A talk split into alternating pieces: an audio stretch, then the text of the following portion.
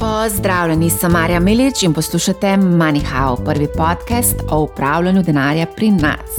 V tokratni epizodi se bom pogovarjala s finančnim analitikom Tilnom Šarlahom in sicer se bova pogovarjala o dogajanju na, na trgu kriptovalut, pogledala bova tudi razloge, zakaj je upadal v, uh, Bitcoin po sprejetju promptnih skladov, dotaknila se bova tudi volitev čez lužo, ki lahko kar precej vplivajo na borzne tečajnice, kaj lahko pričakujemo, če recimo zmaga republikanec Donald Trump, kakšni so obeti za leto 2024, bo inflacija, deflacija, bodo više, nižje obrestne mere, kaj pa če bo recesija oziroma ekspanzija, kaj se bo dogajalo. Zdravo, Tilan. Lepo zdrav, Marja Novič. Evo, zdravo še enkrat, ja, ti si povratnik na Manihau. Um, Jaz mislim, da bi naše poslušalce v tem hipu najbolj zanimalo, kaj se zdaj za vraga dogaja z Bitcoinom eh, po dobrem mesecu sprejetja eh, promptnih skladov, ki kotirajo na borzi v Bitcoinih. Eh, smo zdaj priča enemu takemu, recimo, a je dramatičen upad. Mi smo še bolj dramatične upade, no, ampak zdaj imamo kaj 20-odstotno korekcijo, upadov je celo pod 40 tisoč za, uh, za en Bitcoin. Kaj se dogaja? Pa ne bi rad eh, zvenel, kot vse eh, sem povedal, kaj se bo zgodilo. Ne, ampak, ampak ja, eh, to je pač tipična zadeva. By the rumor, sell the news. Zadeva se je petlala neko več mesecev, vsi so bili v pričakovanju teh ETF skladov, kaj bo zdaj, kaj bo zdaj. Ampak načeloma trg reagira tako. Se pravi, ko pride novica ven, dejansko je prvi. Prešar, bom rekel, je pozitiven, potem pa začnejo ljudje malo izračunavati, pozicionirati se na novo te večji skladi dejansko sklepa neke nove strategije, neke nove flovi se dogajajo in evo, tu je opad. Jaz bi to rekel, da je to bilo vse načrtovano in kalkulirano. In ni nič drastičnega, še zdaleč ne, da je to 20% padec na, na kripto, karkoli posebnega. Um, se sama veš, da to so pač neki tipični, tipični razlogi. Um, tako da bilo je povezano skupaj z tem outflow iz največjega, bomo rekel, Trust Funda, Grayscale, bilo je povezano z, z FTX-om, ampak vse skupaj pa je dejansko se dogajalo bolj kot ne na futures marketu, medtem ko na spot marketu dejansko so bili praktično celo neto nakupi. Tako da pričakujem, da se bo stanje normaliziralo in za vse. Rekel, navdušence eh, kripta, eh, mislim, da je še kar svetla prihodnost, ne glede na to, kaj se je tu zgodilo. Ampak kar se cen tiče, vidim konc leta više tečaje, kot je letos. Zdaj, recimo, naj posluša nekdo, ki ne pozna futures uh, trgov, uh, ne pozna promptnih trgov, ali lahko mogoče razložiš na hitro razliko med enim in drugim? Um, do zdaj so, naprimer, uh, do zdaj so naprimer kotirali uh, na exchange, bomo rekel, skladi, ki so bili vezani na futures markete in so imeli dejansko odprte pozicije na CME-ju, to je, to je Chicago Marketing Exchange, kjer pač ti kupuješ terminske pogodbe za naprej. Pač slabost teh skladov je, da so dejansko zelo visoki stroški za, za nekega, bom rekel, vlagatelja. Na drugi strani so tudi povezani um, te terminski flovi, ki jih ti dejansko vsak mesec moraš obračati. In to povzroča dejansko velike premike v cenah, pa v stroških samih. Zdaj, vsi ti skladi, ko so bili na futuresih, se bo zdaj postopoma začeli pomikati v spot market, zato ker so pač bolj atraktivni za vedika stroškov. Enako zadev dejansko se je začela zdaj zgoditi z, z Grayscalom, ki bo pač del svojih pozicij predstavil v, v spot markete. Uh, in tukaj se zdaj pričakuje večji, večji, bom rekel, flow uh, na temo. Ne. Je pa pomemben uh, uh, uh, indikator, futures market za gibanje cen uh, Bitcoina. Če naprimer samo urišem, uh, vse tisto, kar se dogaja na futures marketu, kjer so precej večji volumni, kot naprimer na spot marketu na, enem, na eni poziciji, se ponavadi potem začne odražati tudi na spot marketu. Trenutno, naprimer, s tem, ko je Bitcoin padel, ne, zdaj, če čisto urišem, do kam je točno padel, ne, je padel na 38,500 v tem prvem, prvem valu prodaje. Na 38,500 je bil en zelo, zelo pomemben gap, liquidity gap se temu reče, ker pomeni, da je na futures marketu zelo velika luknja med enim dnevom trgovanja in drugim dnevom trgovanja, in v praksi to pomeni, da se zafilajo te gepi z nakupnimi orderi. In točno do tam je šla cena, dejansko na 38,500 se trenutno ustavlja. Zdaj bo pomembno dejansko, kako bo reagiral ta v naslednjem dnevu. Če je to bilo to, ali dejansko gremo malo više. Ampak eh, ne bi rekel, da je karkoli drastičnega v, v smislu fundamentalnih razlogov, da bi se mogli slika karkoli spremeniti, daleč od tega. Uh, mislim, da je bil ta korak pozitiven in ja, se mi zdi, da bo, bojo bo cene še v redu. Tako kot se je rekel, ta v bistvu korekcija je bila nekako uračunana, oziroma se je pričakovalo, da se bo zgodila ta korekcija, pa da ne bova preveč kratkoročno napovedovala. Mogoče bi vsem tukaj še omenila prepolovitev nagrade rodarjem, prihaja zdaj na Coin Market Capu, sem videla odštevalnik, ki kaže, da je do razpolovitve še 89 dni. Kakšne so zdaj tukaj pričakovanja glede cene, zdaj kaj se je dogajalo tudi v preteklosti, ko so se zgodile te razpolovitve? Vsi finančni trgi so seveda dinamični in ti lahko nekaj, bom rekel, svoje analize delaš na tečajih, ki so bili v preteklosti doseženih. Enako se dejansko lahko zdaj transformiramo, kaj se dogaja z po Bitcoin halvingu ali pa pred Bitcoin halvingom v preteklih obdobjih. In naprimer, ja, bila so pozitivna obdobja, se pravi, zdaj lahko pričakujem in tudi market pričakuje, da do aprila dejansko bomo pozitivni, potem pa se dejansko trg začne nekako obračati dol. Zdaj, druga stvar je, kaj dejansko bo, bo, bo se tudi v praksi zgodilo, ali bo spet zdaj buy the rumor, sell the news. Vprašanje. Zaenkrat sem pozitiven, zaenkrat dobro kaže in bi pri tem ostal. Se pravi, jaz gledam bolj kot ne na to psihologijo trga in kaj se, bom rekel, tedensko in mesečno dogaja. Trenutno se pravi na big picture, na higher time framesih, se pravi na večjih, bom rekel, obdobjih weekly chartov, monthly chartov je pozitivno. Kaj bo pa dnevno, bojo pa precejšnje nihanja. Zdaj, ko si večkrat omenil pozitivno, da je mečkan, povej, kaj to pomeni za te pozitivno. Obstaja zelo velika verjetnost, da bo Bitcoin verjetno letos dosegel uh, all-time high. Praktično sem kar precej prepričan, da bomo dosegli prejšnji vrh, se pravi tistih 50, ki je bilo doseženih ne tako dolgo časa nazaj. Je pa zelo velika uh, verjetnost, da bo še vedno ne. Po higher time framesih, ki se pač trenutno delajo, monthly charti, je pozitivno uh, vzdušje.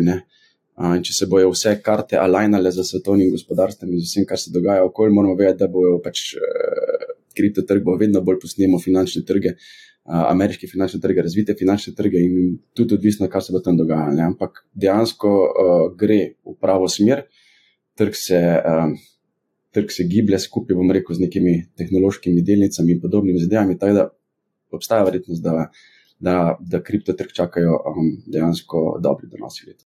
Zdaj ne, si povedal, da obstaja zelo velika verjetnost, da dosežemo rekordno raven, ki je bila novembra 2021 dosežena. Zelo dolgo časa nazaj. Ja. No, v glavnem. Zdaj pa si kdo, ki jo posluša, pra, se sprašuje, aha, danes je cena približno 39 tisoč za dolar, do 70 je še kar nekaj, ne?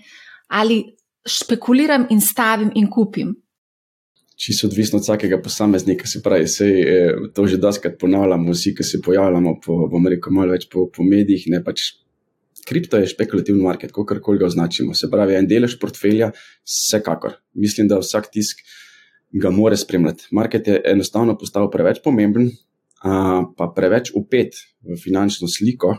Da ga bi zanemarjal. In to so opazili tudi večji skladi, zato se zdaj pri, pridružujejo temu ETF, maniji. Se pravi, vsak, bom rekel, nek vlagatelj bi lahko imel en delež v kripto. Ne govorim, da je to zdaj 90%, ampak govorim, da je to en delež v portfelju, ki ne sme biti zanemrljiv, ne sme biti zanemrljiv, ampak ga mora imeti dejansko upletenega. Zdaj, kar si rekel, vsak vlagatelj, greva se še malo tle ustaviti, pa specificirajva, katerega vlagatelja tukaj, tukaj misliš zdaj? Vem, zdaj danes smo ravno poslušali o narodni obveznici, ker je večja verjetnost, da bodo v to zgodbo vstopali 60 in še več letniki. Koga ti vidiš v tej zgodbi? Zelenici, milenici, definitivno. To Tudi mogoče sigurni. starejši, 45, 55 letniki, da bi morali imeti en konček. To, že, to govorimo že v najni generaciji in starejših. To govorimo že, mislim, jaz pa ti mi dva mava, ne, ampak niso pa vsi. Pa, po, pozitivna stvar je, da v bistvu niti ne rabiš imeti kriptomenjalnice. Ti danes lahko kupiš kripto preko klasičnih teh brokerjev, neobrokerjev. Tako da nismo to delati strano. Če že investiramo v ETF-e, mogoče. Ja, um, strinjam se. Uh, mlajša generacija, sem prepričan, da bojo veliko bolj spremljali um, kripto, kot bi spremljali delnice iz Don Jonesa. Se mi zdi, da pač to obdobje pa se je, se pravi, samo vlaganje se je dosti spremenilo. Z vsemi temi social medijami in, in objavami, mladi ne stremijo k temu, da bojo brali finančne izkaze ali pa letna poročila nekih podjetij tam iz industrije. ne bom rekel, kjerih, ampak zdi se mi, da, je, da so se pravila vlaganja in strategije tako spremenile, da mladi pač bojo stremeli tistim, kar je mogoče seksi ali pa mogoče tisto, kar se sliši v medijih ali pa tisto, kar se sliši na TikToku ali pa na Instagramu. In to pač kripto je all over the place, je pač tle in bo verjetno tle ustavil. In se mi zdi, da pač te generacije so nedvomno. Uh, največji vlagatelji v prihodnosti uh, v, v, v kriptomarket, preko vseh različnih inštrumentov, tudi sama si imela na ETF ali bojo tako ali karkoli. Dejansko se mi zdi, da pač bo imela en del uh, v tem. Ne. Uh, moram pa priznati, da dejansko uh, mene dosti ljudi sprašuje, ki so pa starosti od 50. Plus. Sem malo predcepil, kam bi jim predlagal, zato ker pač oba dva vemo, kako gre ta krivulja um, ulaganja, pa dejansko um, pričakovanih donosov, pa predvsem prevzemanja tveganja, ki ga pač ti s tem z enim takim ulaganjem eh, dosežeš. Se pravi, pač višja starost, ko imaš načela, bi lahko pač niže, niže tvegane. Um, rečem, ja, mogoče ja, ampak v manjšem delu, naprimer, ne, da ga začneš uh, spremljati. Uh, vsekakor pa ne, da bi ta exposure povečal na večji del svojega portfelja, če si, ne vem, 60-70 let star, ne dvomno. Mogoče samo še en pomislek tukaj. Um, življenjska doba se ful podaljšuje. Mi danes živimo tam do 90, celo do 100 leta.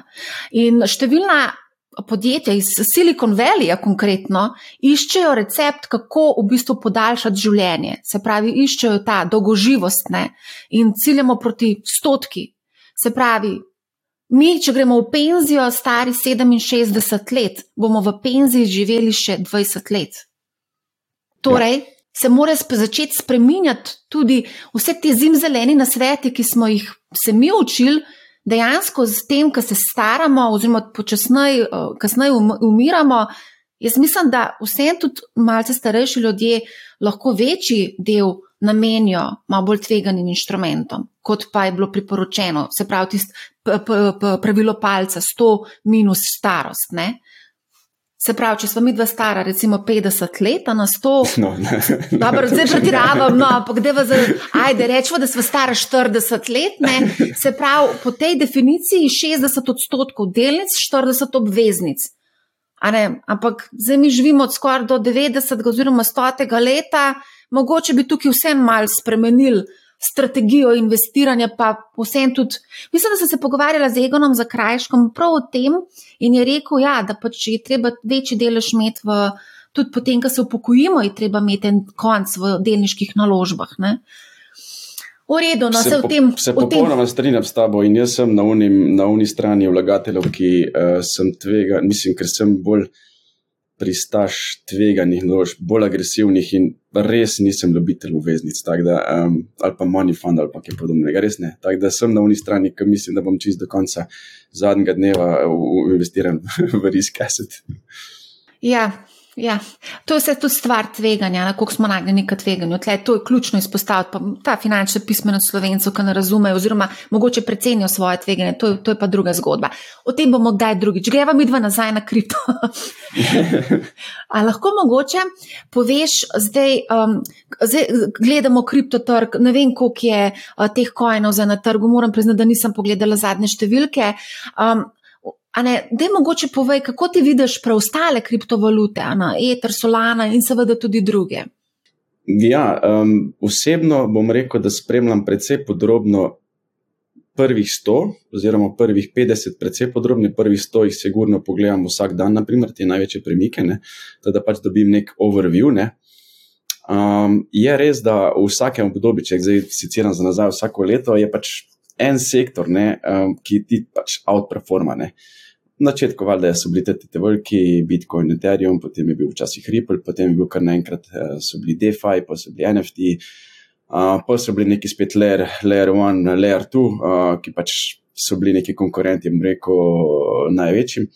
Zdaj, te, te sektori se predvsem menjajo med sabo. Zelo, zelo podrobno moraš spremljati, da boš ugotovil, kje je tisti next, next big thing, ki se pač dogaja. Ne trenutno so pač na trgu večinoma se suče okoli konkurentov, bomo rekel, Ethereum, se pravi, precej manjših kojnov, še manjših kot naprimer Solana, čeprav Solana naprimer, v zadnjih šestih, sedmih mesecih precej outperformala.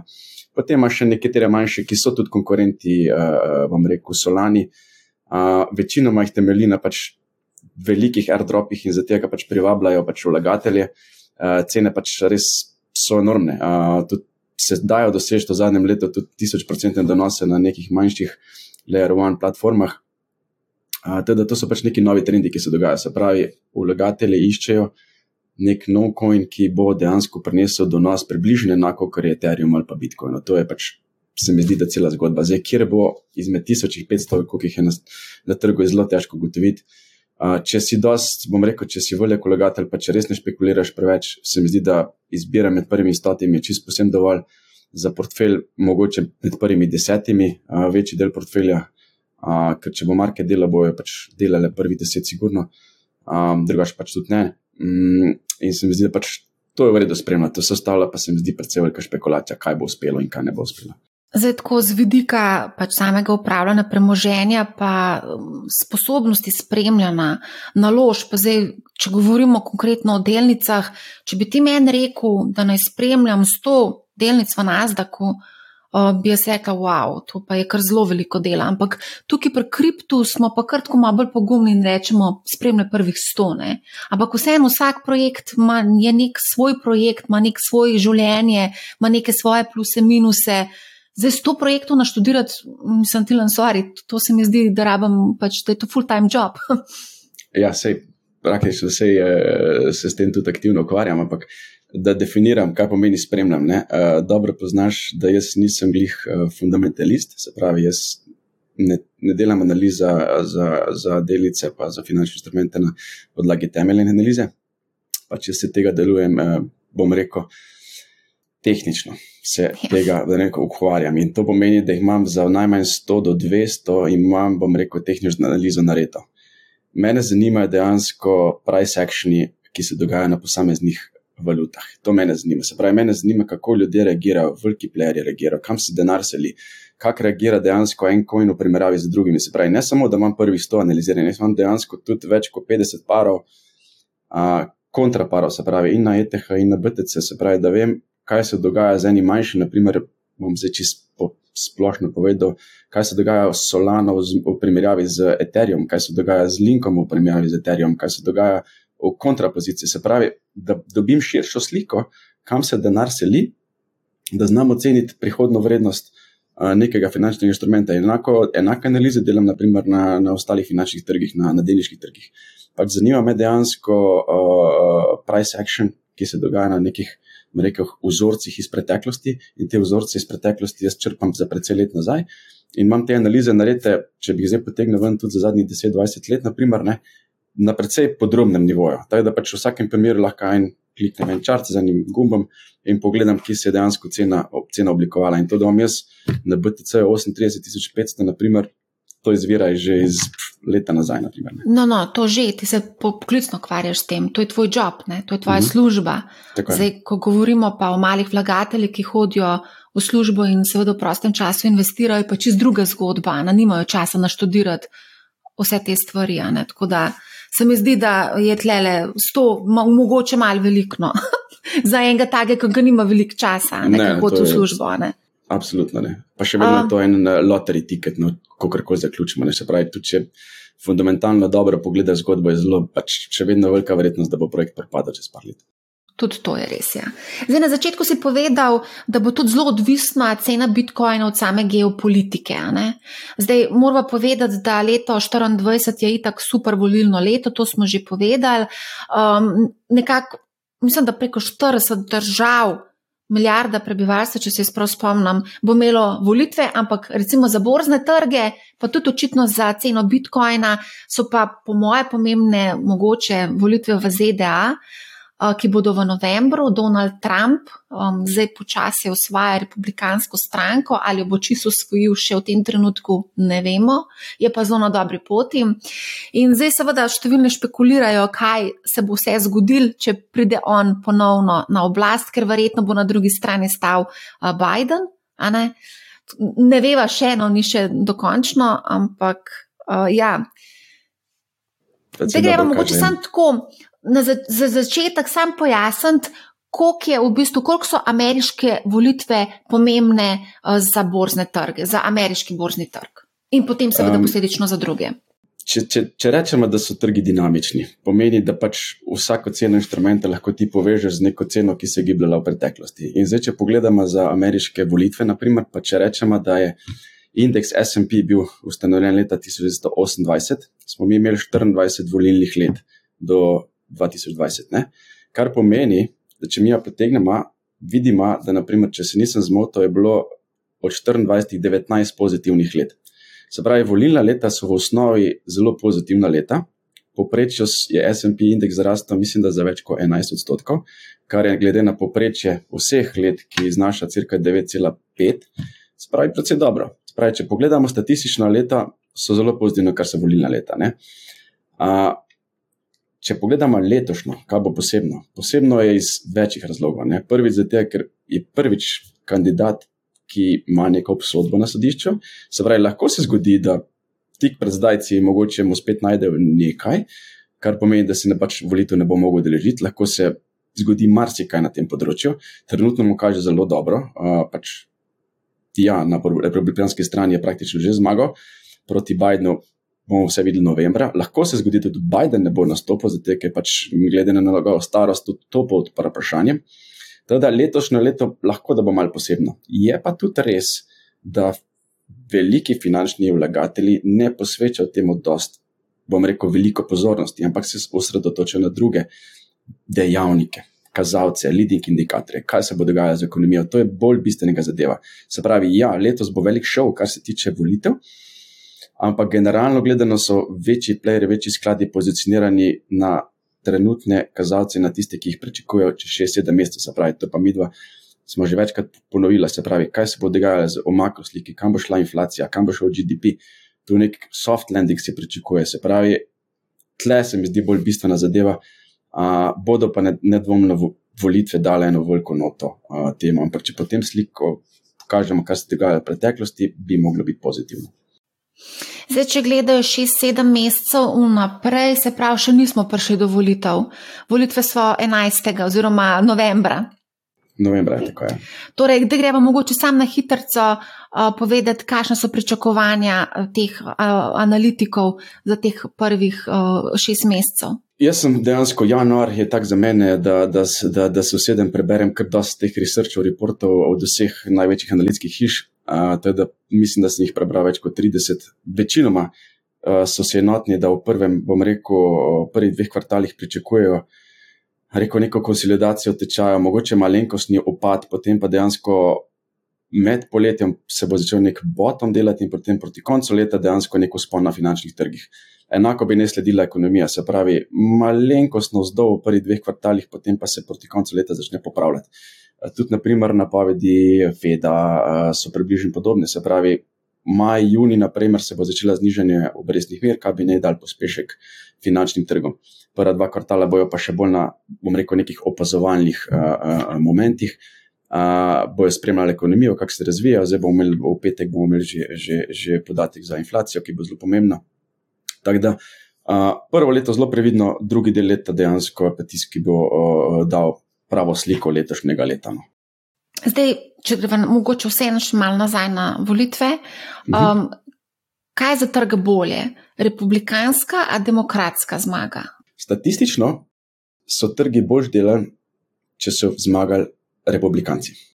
Se pravi, verjetno, sem rekel, um, donosnost uh, republikancev proti demokratom je bila 15,5 proti 7,5, se pravi, kar precejšna prednost republikancev. Uh, če se osredotočimo samo na te volitve dotične, ne, um, če bi zmagal Trump, naprimer, ne, oba vemo, ne, da Trump ni glih. Um, Usmerjen, bom rekel, ekološko ali pa green, ne, ni jih prijatelj grete. Ne. Se pravi, so sektori, ki bojo performali, naprimer, oil and gas, uh, industrija, naprimer, uh, ker je zelo velik podpornik eh, domačih delavcev, domače proizvodne, domačih uh, tovarn. Um, na drugi strani um, ni glih pristaž vojn. Uh, vemo, da je že večkrat izrazil, da bi pač rad čim prej končal uh, vojne po svetu, poslal ameriške vojake domov. Kar pomeni, da pač ta defense industrija, ki je v zadnjem obdobju precej, precej noro, noro skače zaradi vseh vojn po svetu, bi se lahko umiril, ne, če se pač bo dejansko to uresničilo. Uh, v primeru zmage Bidna pač vemo, kakšna je bila politika zadnjih štirih let. Uh, tle ne pričakujem nekih večjih sprememb, vsekakor ne, tehnologija, industrija. Obramba. Ne, dejansko obramba bi ne performala. Se pravi, pač vojne se na tem načinu ne bojo končale.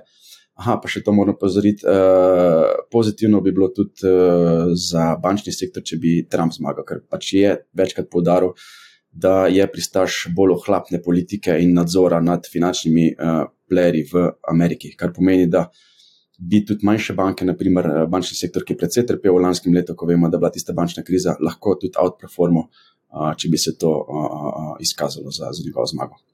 Teda, to so nekakšni sektori. Um, ki bi znali biti bolj, bom rekel, volatilni in pač bolj, bom rekel, odreagirati na te uh, predsedniške volitve. Zdaj, če ostanemo mogoče še malo pri Trumpu in teh sektorjih, Trump je rekel njegov moto America First. Ne? Uh, je. Tako da mogoče tukaj zna biti zanimivo tudi uh, te trgovinski spori, mogoče Kitajsko bi tukaj lahko imela, Kitajska trenutno je v težavah. Ne? Sigurno uh, je to en, en faktor, če Trump zmaga uh, za kitajske vlagatelje, oziroma za vlagatelje, ki merijo na kitajske trge, verjetno ne bi bilo dobro. Se pravi, pač Trump tle favorizira Ameriko, uh, favorizira domače proizvodno, njihovo industrijo in tle se bo trgovinska vojna zaostrovala. Um, tako da to je en faktor, ki ga treba imeti v vidiku. Kitajska zelo slabo dela zadnja tri leta. Uh, notrni problemi, deflacija, gradbeni sektor, uh, industrija slabo, trgovinska vojna na eni strani z Ameriko, na drugi strani z Evropo, ki sledi. Uh, vlagatelji se umikajo, se pravi, tle je zelo velik pritisk na, na, na Kitajsko, poleg tega, da je bil njihov GDP najnižji v zadnjih 20 letih, če se prav spomnim, 5,2. Uh, pričakovanja so, da v naslednjih letih bo šli proti 4 odstotke, se pravi, to je velik, bom rekel, pritisk na njihovo gospodarstvo. In Kitajska um, bo imela probleme, če bo Trump dejansko tle uh, uh, zmagal. Ali bi lahko imela Amerika probleme zaradi, uh, vem, uh, Kitaj, uh, zaradi Trumpa? V smislu, da bi mogoče prišlo do še večjih napetosti med Kitajsko in Ameriko, lahko pride do še kakšnih večjih eskalacij. Zdaj, dve vojni imamo. Um, zdaj, to sam špekuliram, se mogoče ne bi smela špekulirati o tem, ampak mogoče tudi na mesto vprašanja. Mogoče... Sem, sem celo uh, tudi prebral en podatek, zanimiv, ne, da Trump je edini od treh predsednikov, ki ni začel vojne. Uh, poleg, ni, poleg njega so še dejansko Jimmy Carter in Gerald Ford. To so trije predsedniki, ki niso začeli vojne. Tako da um, ne dvomim, mislim. Se ne rabi bi... Trump začeti vojne, se lahko mogoče še Xi Jinping začne ali pa kdo drug ne. To, to je res. Ne. Geopolitika je ena od, ena od največjih skrbi vseh analitikov, kar sem jih prebral v letošnjem letu. Se pravi, geopolitična slika po Evropi, če bi eskalirala po, po svetu, če bi eskalirala sploh bližnji vzhod, naprimer en tak koto, ki um, je predvsej občutljiv. Tako da je geopolitična, geopolitična uh, um, kriza je po vseh analitičnih reportih bila na headlinih. Pravi, to se pač um, zavedajo, da je možna eskalacija. Um, za enkrat je to vse v nekih tonih normale, se pravi, da pač vsi vejo, da si ne želijo nekega konflikta, sploh ne konfrontacije Amerike, Kitajske. Ampak pustimo, kar se bo dogajalo. Uh, bil sem tudi na eni predvsej veliki konferenci v Ameriki uh, novembra, kjer so bili predvsej črnogledi ameriški uh, vlagatelji uh, glede geopolitike in pač pričakujejo zaostrovanje. Ampak se pravi, to je en faktor, ki ga mi ne moremo oceniti. Je pa res, da uh, kar je najslabše za finančne trge, je, um, nenadni, nepričakovani dogodki. Se pravi, vse tisto, kar lahko ti nekako vključiš v tečaje, ne bo imelo velikega vpliva. Če te pa nekaj prizadene zelo na hitro in zelo nepričakovano, se pa ponovadi odraža zelo veliko volatilnosti. In teh nepričakovanih dogodkov je bilo v zadnjem času, v zadnjih letih, kar precej. Um, mogoče vseeno bi še te vprašala, uh, glede na to, da je Kitajska. Um, Mogoče sem še ena zadeva, zdaj sem se spomnila Bidna, ki je za Xi Jinpinga rekel, parkrat mu je všlo, da je diktator. Tako da to mi je bilo tako smešen. V glavnem, gremo nazaj na Kitajsko. Um, zdaj omenil si gradbeništvo, nepremičnine, cel kup nekih težav. Uh, kakšen bo pa vpliv na ceno nafte in mogoče tudi na druge surovine, glede na to, da je Kitajska tukaj kar pomembna? Ne? Nafta je precej takem zanimivem trendu trenutno. Ne? Če pogledamo, naprimer, koliko stvari gre na robe na Bližnjem vzhodu, pa ko je dejansko cena nafte precej odvisna od dogajanja tam, ne, ampak imamo mi precej nizko ceno nafte. Trenutno se sod v TI, ameriške nafte, giblje, mislim, okoli 75 dolarjev, Brent je okoli 79, se pravi, tle dejansko cena šla na vzdolne. Zdaj, mogoče, če sam pojasnim, zakaj se to sploh dogaja. Ne? Trenutno presežek nafte, se pravi, kljub temu, da OPEC plus niža črpanja. Um, američani tukaj s tem svojim črpanjem nadoknadijo, poleg tega, da so zaloge na deset, desetletnem vrhu, uh, dejansko trg to normalno absorbira. Poleg tega, da se pričakuje nek soft landing, se pričakuje tudi nižja poraba nafte. Uh, ta ameriška agencija za, za nafto EIA je napovedala celo samo 1,5 odstotni dvig popraševanja po nafti, kar pomeni, da imamo mi trenutno na trgu več kot 4 milijone sodov na dan prostih kapacitet, kar pomeni, da trenutno to ni noben faktor, ki bi karkoli igral. Če pojasnim, naprimer, eh, dogodke, ki se dogajajo tam okoli Sueza, pa teh tankerjev zdaj. Zračunal sem po nekih a, podatkih, da tanker gre okoli, bomo rekel, afriške celine na mestu Suez, ki prekop ima vpliv na ceno samo 1,5 dolarjev na soček. Se pravi, to ni neka velika številka. Poleg tega je Suez zdaj dvignil tarife za 600 tisoč dolarjev, na 600 tisoč dolarjev za transfer, pot okoli te pride pa milijon. Se pravi, razen tega, da imaš časovno komponento, nekega velikega vpliva na to uh, nimajo. Poleg tega se tam napadi dogajajo že zadnjih 30 let in nekako se to kalkulira na tečaje. Uh, trgovci ne vidijo uh, eskalacije problemov, ker tudi, čeprav ne rad beremo vse te medije, ne, uh, nikjer ni na headlineu, da bi kdorkoli hotel karkoli zaostrovati, gre za, samo za to, da pač obvarujejo te tovore in načeloma ni, ni problema trenutno pri transportu. Pač nafta je v nekem, bom rekel, komfort zono, nekje v tem pasu okoli 80 dolarjev in tudi naslednja pričakovanja za naprimer, naslednjo leto a, niso tako visoka, dejansko se gibljajo med 75 in 85, kar se tiče nafte. A, kar se tiče pa popraševanja, naprimer pa Kitajske, ki so omenila, ne, je pa tukaj mogoče ni Kitajska največji faktor, ampak Indija. Indija dejansko ima največjo popraševanje po naftih v zadnjih letih in tudi tam se cel sektor in cel gospodarstvo in ljudje se transformirajo na to mobilnost, ki ga prej niso imeli omogočeno in je tam dejansko prihaja največje popraševanje po, po nafti, Kitajska pa dokler ne bo uredila notranje slike gospodarstva, pa dokler se ne bo slika začela obračati navzgor, um, dejansko ne igra takšne, tako velike vloge v, v svetovni um, naftni sliki, veliko popraševanja. Ja, kdaj pa misliš, da se bo Kitajska, da, da bomo videli ukrevanje Kitajske? Predvsej je bilo v zadnjih dveh tednih predvsej na to temo uh, objavljenega, se pravi, kako se notranja politika želi dvigniti, bom rekel, popraševanje po, po svojem finančnem trgu, pa dejansko dvigniti likvidnost. Zdaj bojo angažirali offshore račune, bo začel kupovati uh, delnice, potem tudi notrni, bo začel popraševati po, po delnice. Se pravi, ta nek trenutno bo to bolj kot ne. Um, Naredili nek hardware, bom jaz temu rekel, se pravi, pač zmetali neko likvidnost noter, prisilili ta svoja domača, pa tuja podjetja, bo dejansko začela kupovati, ampak tuji vlagatelji se bolj ne umikajo. Da prvi, prvi ta popraševalni val, ki bo prišel po kitajskih delnicah, po njihovem finančnem marketu, bo prišel dejansko od notranjega trga. Ne. In uh, predvsej se piše o tem, bomo videli, kako se to v realnosti uh, dogaja. Kar mene, naprimer, kot bom rekel, nekega tehničnega lista uh, zanima, je, da bo prišel ta, bom rekel, zadnji capitulation candle. Pomeni to v smislu, ko bo zadnji prodajalec šel ven iz trga, ko bo dejansko market postal buyer's market, ne več seller's market, kar je trenutno. Ne, takrat bo dejansko za mene postal zanimiv market. Ne. Trenutno pa smo še vedno mi v nekem padajočem trendu. Uh -huh. um, zdaj se že parkrat spomenila inflacijo. Lansko leto mislim, da smo se praktično skoraj skozi smo se pogovarjali o inflaciji, zdaj, ko upada, oziroma v zadnjem mesecu se je mečka dvignila, spet ne se, krep, se je krepila, ni več toliko teh novic, ne, da se bolj špekulira, kdaj bodo centralne banke začele rezati ključne obrestne mere. Kaj se dogaja tukaj?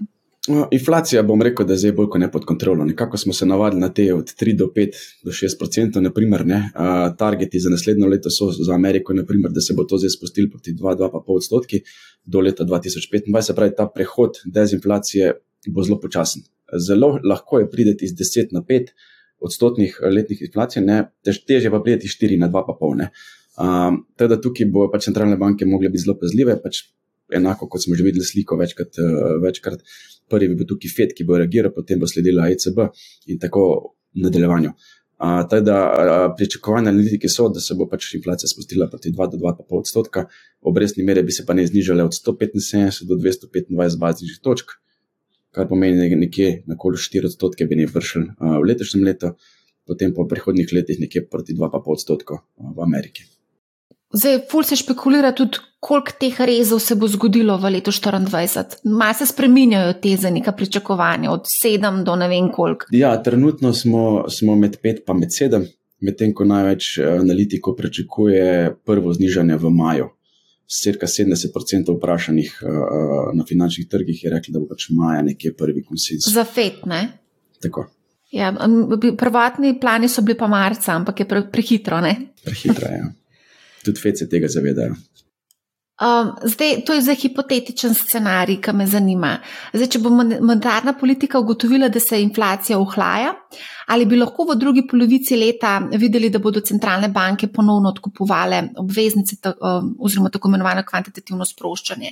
Sicer ta, ta ukrep pride v primeru, da pride do nekega resnega ohlajanja, Zdaj, tukaj ne vemo, to je spet špekulacija. Ne? To je precej špekulativno. Trenutno je res pričakovan bolj kot ne res nek soft landing, niti ne, bom rekel, nek večji downturn. Um, jaz mislim, da so precej pazljivi, se pravi, tudi s temi rezi zdaj si noče preveč zapreti vrat. Fed si noče zapreti vrat, ker se je že večkrat spuščal v nek scenarij, ki je prišel na nek nivo, ki ni več mogel reagirati ne na vzgor, ne na vzdolj. In trenutno se mi zdi, da so zelo previdni, uh, kar se tega tiče, in čakajo, kaj bo trg naredil sam zato mislim, da so se dali obdobje teh prvih šestih mesecev, da vidijo dejansko, kako kak bo reagiral po teh zadnjih dveh mesecih, ki smo imeli, ki so bili dejansko zelo lepi. Tudi kar se tiče finančnih kazalcev, naprimer zaposlenost, GDP, uh, gradbeni sektor, PMI indeksi, to je bilo vse zelo lepo za Ameriko, medtem ko v Evropi, pustimo, tam imamo večje probleme. Um, zdaj, ko se ohlaja, mislim, zdaj, ko se v bistvu nekako inflacija umirja, napovedujejo se rezi. Zdaj, mogoče bi vsem tukaj malo skočila na tole našo ljudsko obveznico, ki je bila predstavljena 3,4% obrestna mera, uh, je povedal ministr za finance 250 milijonska uh, izdaja, upisovala naj bi se od 1. do mislim, 16. februarja. Um, zdaj, tako, no, zdaj, to je namenjeno specifični, specifičnim vlagateljem, verjetno, a boš ti investiral v, v ljudsko obveznico. No, da, vprašaj. Jaz sem hotel reči, verjetno ne boš investiral, ampak sem pa se rekla, da moram ti polagati besed v usta. Ampak... Danes si druga, ki, me, ki si me to vprašala. Prej. Res? To je ja, zelo eh, aktualno prej vprašanje. Je, prej me je klical en prijatelj in rekel, da bo pač, če bom jaz investiral to. Ne? Pa sem rekel, če bi ti rekel, da bom, kaj, z mojim znanjem, z izkušnjem, kaj bi bil po tvoje. Se pravi, jaz zdaj gledam, ne, osebno, ne, če znam narediti več kot 3,4%, ali bom investiral ali ne bom. To je moje vprašanje. Ne? Odgovor je, se ponuja na dlani. Um, ampak, da te bom tako vprašala. Zdaj, recimo, uh, govorimo o tem, da bo ECB zniževala uh, ključne obrestne mere, kar pomeni, da se bo tudi depozitna zniževala. Res za slovenske banke niso ponudili neke stimulativne obrestne mere za depozite, ampak vsem. Zdaj se bo vse to skupaj rezal. Um, in, in bodo te ključne obrestne mere upadale v naslednjih dveh, mm. treh letih. Tukaj govorimo o triletni obveznici. Zdaj, če ima nekdo neka odvečna sredstva, um, vsem bi lahko potencialno dobo teh 3,4%. Se strinjam. Uh, treba je dejansko sprostiti vse te depozite, ki jih imajo ljudje na bankah, in uh, nedvomno je ena taka zadeva, kot je ta obveznica, primerna za to, za ene varne, ki imajo zdaj na depozitih. Ja, potem ja. Potem se mi zdi smiselna zadeva, ker pač z vidika varnosti ne vidim problema, uh, z vidika donosa pa vse en boljši, kot da jim tam leži. Uh, sploh če nimajo neke alternative, kam bi to vložili. Smo vseeno v nekem negotovem času, imeli smo zelo lepih. Uh, 10-11 let, zdaj trenutno, lansko leto je bilo zelo lepo, praktično na vseh finančnih trgih. Ne vemo, kaj nas čaka letos, čeprav so obeti dobri. Teda na koncu konca je boljše iz mize pobrati 3,4 odstotke, kot pa narediti dejansko minus uh, z inflacijo, ki pač nas čaka. Ja, um, na banki, ki pa na ne ponuja ne, takih. Je pa res, da ta delnica, obveznica se bo znašla tudi na sekundarnem trgu, se jo bo dal tudi prodajati, kupovati. Uh, tukaj se pa pojavljajo druga vprašanja, ampak to bomo potem drugič obdelali. Um, ok, vela, uh, da vam mogoče sam še to pogledati zlato. Uh, zdaj trenutno kotira zlato uh, dva, preko 2000 evrov je za uh, trojansko unčo, če sem, do, dolarjev, če, se prav, če sem prav pogledala. Ja, zlato je. Um tik proti, bom rekel, nekim all-time highem, in za kratek čas, celo za en dan, je presegel tisti, šel proti 2100. Uh, je, bom rekel, na temeljih, ki lahko osnova za letošnje res dobro leto za zlato. Se pravi, imamo obdobje, ki je geopolitično pod zelo velikim vprašanjem. Zlato se je izkazal kot bo neko precej dober play v vojnah. Uh, največjo rast, naprimer, v zgodovini, če povem malo za nazaj, med 76 in 80 let, takrat, ko je pač Rus, Rusija naredila invazijo v Afganistan, pa ki se je začelo vse to trenja med Iranom in Ameriko, je dejansko Gold outperformal vse, zrastel iz 100 na 800 uh, v zelo kratkem času, dejansko v 3-4 letih če se bo geopolitična situacija uh, zaostrovala, ima zlato zelo veliki potencial za letos. Poleg tega, če bo FED reagiral, začel spuščati obrestno mero, vemo, kako bo to vplivalo na dolar. Dolar bi ne začel izgubljati z vrednostjo, tako da tudi to bo en, bo, bom rekel, booster za, za zlato naložbo. Da lahko, da, bo, da je zlato letos na enih temeljih, um, ki lahko poraste. Je pa trenutno res na eni taki, bom rekel, tudi tehnično zelo zanimivi točki, uh, pod katero ne sme paditi. Se pravi, to je ključno, da vzdrži teh 1950, 1900 uh, mejo uh, in da pol dejansko lahko tukaj naredi en temelj za, za rast v prihodnje. Um, to bo zelo odvisno dejansko v prvih šestih mesecih, ampak rečemo, da je zlato na enem takem res dobrem break-even pointu, pointu ali bo šel res proti 2500 ali pa bo še nekaj časa se gibljati okoli 1800-1900. Zdaj, za konec bi te sam še vprašala, kako bi se stavil portfelj naložb um, za enega, recimo, starega, kot 35, 40 let starega človeka? Kaj vse bi moral imeti? Za letos ali za obdobje? Jaz bi tako rekla za letos, mogoče pač ne bi rekla za letos, to je pre, vse malo prekratko obdobje. Jaz bi rekla vsaj tam ene tri ali pa petletno obdobje. Um, Glede na to, da je toliko negotovosti, ne? v tem ja, letošnjem letu. Prav. Máš prav. Je, zdaj bom rekel, da ne bom delal na svetu. Za širino bom povedal, kako bi jaz reagiral, naprimer, ne, pa kako dejansko sem jaz gledal svoj portfelj preko let. Ne. Jaz sem bil vedno res večinoma skozi investiran. Se pravi, jaz sem imel zelo redko, sem imel obdobje, ki sem bil pa res full defensivno, pa full v gotovini, pa, pa čakal, kaj se bo s tem dogajalo. Pač sem vedno iskal neke naložbe, ki imajo potencial dejansko, da prehitevajo trg ali pa da vse ne zgubljajo tako kot druge. In, naprimer, zdaj, če vse to, kar smo zdaj povedali, naprimer, ne, kaj se pričakuje v času volitev, pa v času dejansko SP-ja, kaj se je dogajalo v preteklosti, pa kaj zdaj tehnološke delnice delajo, ne, se mi zdi smiselno, da pač en del sigurno investiraš v, v SP ali pa še bomo rekel bolj dotično v Magnificent Seven, bom tako rekel. Ne. To so delnice, ki so se pokazale, da so to new defensive stock, bom temu rekel, ne. nove defensivne delnice. Zakaj ne?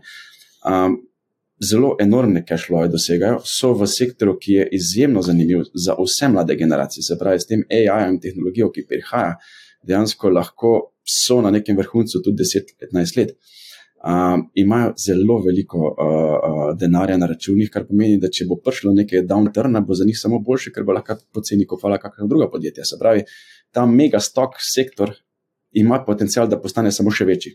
Se pravi, to je mogoče. Um, bom rekel, problem za, za, za, za finančni trg ameriške, zdaj, ker teh sedem ali pa deset delnic postaja res prevelikih, ampak na drugi strani je pa zdaj ta, ta trend postal tak, tako velik, da dejansko ga ne smeš dati na stran, moš pač biti zraven vključen.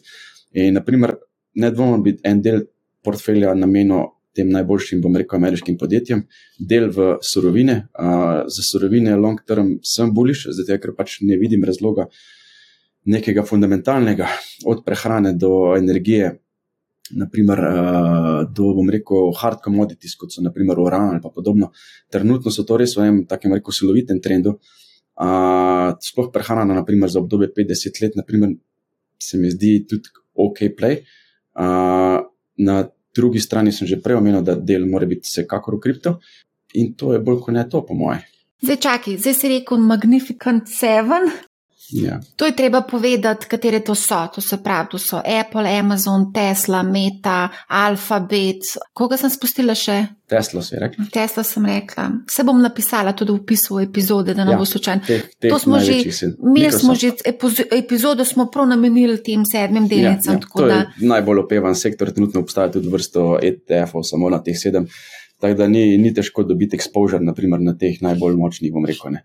Um, poleg tega še mogoče kak kor na, na kakšne, bom rekel, kor industrijo ameriško. Trenutno sem pač res bolj na Ameriko, ker se mi zdi, da pač v Evropi imamo več problemov. Ako govoriš o, sur, o surovinah, dobro, zdaj za enega poprečno, poprečno, za enega vlagatelja malega, ki se ne ukvarja s tem profesionalno, tukaj lahko rečemo, da se pač lahko tudi investira v neko razpršeno košarico, recimo ETF. A ne, to je najbolj smiselno. Najboljš, najboljš pa najcenejši stroški so vem, od 0,5 do 0,9, nekje res precej nižki, nižji od nekakšnih vzemnih skladov ali kaj podobnega. A, pozabiš na to in to. to. Ja, mesečne investicije. Ja, ja, tako. Kok, recimo, da te še to vprašam, katera naložba predstavlja v tvojem portfelju največji delež? Naložbeni sektor, naložba. Lahko boje poveš. Če se dotična naložba, se mogoče še ne bi spustil, ko je nikoli tako poznana, pa mogoče da ne bom preveč kaj rekel. Ni med top 7, sigurno ne, ampak je en del tu noter. E, drugače pa trenutno še vedno real estate. E, zelo zanimivo, ampak. Ja, real estate, um, ta red skladi oziroma nepremičnine, ki jih kupimo na borzi, delnice od nepremičninskih podjetij, ki jih kupimo na borzi, a govorimo o fizični nepremičnini. Fizičnih. Ja, fizičnih trgov. Pa se mora pa dotakniti, če nepremičnin zdaj. Zdaj, cene so kar precej na rekordu, ne, koliko je 3900, recimo, zarabljeno stanovanje, nova stanovanja, okrog 5, 6, 7 tisoč evrov za kvadratni meter. Koliko je tukaj še prostora za rast, o katerih nepremičninah pravzaprav govoriš? Govoriš o um, stanovanjskih nepremičninah, govoriš mogoče o kakšnih pisarnah, o kakšnih drugih takih skladiščih, mogoče ne vem. Slovenija, Slovenija je zelo, zelo specifičen trg, kar se tiče nepremičnin, pa bo verjetno kak specializiran za nepremičnine, ki je več znal o tem povedati, pa predvsem bolj podrobno, kot jaz. Ampak jaz to gledam ne, nekako s primerjave, bom rekel, z drugimi marketi, pa seveda vse gledam prek finančnih, bom rekel, kazalcev, ki jih lahko uh, dobim iz posameznega trga. Uh, pač Slovenija je pač res zelo majhen trg, zelo specifičen, zelo malo dobrih lokacij. Dobre lokacije bo vedno, vedno imele ceno, z tega, z tega izhajamo. Ne. Poleg tega je Slovenija trg, ki se večinoma transakcij zgodi v Sloveniji, slovencu proda. Se pravi, tu imamo zelo malo tujih vlagateljev, ki bi prišli sem in rekli: Wow, tukaj so pa cene ful, bom rekel, poceni, ne demo investirati. Ne? In to je že mogoče prvi trigger. Ne? Zakaj tujci ne pridejo sem in rečejo: Vi imate pa ful poceni nepremičnine, demo mi to kupiti. Ne? Obstaja mogoče tehten razlog. Ne? Poleg tega gledam malo, bom rekel, tuje trge. Ne? nemški trg, naprimer nepremičninski, sem danes ravno cene ven potegnil, ker me to ravno zanima. Ne? Poprečne cene tam nepremičnin. Ne? In pa sem gledal po teh večjih mestih. Ne? Pri njih je dejansko uh, cene nepremičnin so v zadnjem letu, year to year, pocenile za 12,5 odstotkov, kar je največji padec od leta 2000. Ne pa vemo, da takrat je bila uren kriza. Ne? Se pravi, da centralna Evropa se ohlaja, medtem ko pri nas cene grejo samo gor. In zadnjič, pa ne tako dolgo nazaj, prejšnji teden sem bil z enim nepremičninskim developerjem, tle bom rekel, nekaj jih je zdaj kar precej na trgu nastalo, teh novih. Ne? In je zelo samozvestno rekel, cene ne bo šle dol. In sem si mislil, kako je lahko to reče. E, Tako da jaz osebno mislim, da je čas za. Da bom rekel, da je bil čas za investiranje nepremičnine, za vidika, da to postane investicija, je prepozno. Ne vidim dejansko, vidim tu več uh, drugih pomembnejših zadev, bom rekel, bolj donosnih, kot da bi zdaj šel investirati v nepremičnine, dotične, bom rekel, mogoče v Ljubljano, eh, ker druge, druge so pač res še mogoče še najdejo kakšne zadeve, ampak dotične tle stanovanske, da bi šel z, z investicijo kufat, me ne more noben prepričati, da je kalkulativno mogoče to. Um, Jaz sem slišal uh, en drug uh, argument od nepremičninskih teh posrednikov, pa developerjev, razvijalcev nepremičnin, da zdaj ljudje ne kupujejo za investicijo, ampak zato, da vzdržujejo v bistvu realno vrednost. To je bil en prodajni moment. Ja, mislim, spomnijo se vseh možnih, bom rekel, um, trikov. Na, trikov ne, ampak se pravi, jaz na koncu sem finančnik, jaz pogledam vse, kar naprimer, za eno noto premoženja lahko dobim kje druge in potem pač to analiziram med sabo in pač trenutno se mi zdi to pretirano. Jaz mislim, da je zelo malo. Kupcev trenutno na teh cenah, uh, ki bi to kupili za investicijo. Razen če mogoče res nimajo kakšne druge ideje, evo, to puščam puščam presojo. Ko si rekel, da je predstavljal to največji del tvojega portfelja, to si govoril o nepremičninah v Sloveniji, sem kar avtomatsko predvidevala. Mm, ja, koliko ne. Ja. Drugač pa, ja, drugač pa delnice, absolutno nobenih obveznih instrumentov, a, kripto, seveda, um, surovine. Danes dobimo vprašanje od teh eh, naših poslušalcev, kaj narediti s tisto gotovino, ki jo imamo za varnostno rezervo, zato da na banki ne izgublja realno vrednost. Recimo, zdaj alternativa se nam ponuje, konec koncev tudi državna obveznica, zakaj pa ne? Eh, vsekakor, karkoli je likvidno, ne? se pravi, jaz vedno uh, percepcijo. Ja, zdaj sem se spomnila, tukaj imamo problem. Ni, ni garantiran do 100 tisoč evrov, tukaj pa ni garancij. Ne? Na depozitu pa imaš garancijo, zdaj sem se spomnila. Ja, okay. Mogoče to mogoče je tudi dobro, da je. Drugače pa le daš na kakšne skrbniške račune ali pa trading akonte, kjer so pač garancije. Se pravi, tukaj je dost, dost eh, teh, bom rekel, trikov, kako si zagotoviš, da vse imaš to pacijo dokritje. To je res, ja. se obstaja tudi. Imáš prav, daš lahko na trading račun, pa dobiš 4%, pa imaš tudi garancijo do 100 tisoč evrov. Na evre, ali pa mislim, da več kot 5 na dolarje. Ja. Na dolarje, ja. Mm. Ok, uh, a smo vse obdelali, kar sva rabila obdelati, ne da sva. Pa moja, ja. Moja. Da sva. Vse, če ne bova pa itak na vezi, pa bomo še kakšno rekli na temo investiranja. Najlepša hvala, Tilan, da si bil danes z nami. Hvala tebi, Marja. Hvala tudi vsem, ki ste se nam danes pridružili in nas poslušali. Poslušajte manj hav, ne bo vam žal in lep pozdrav.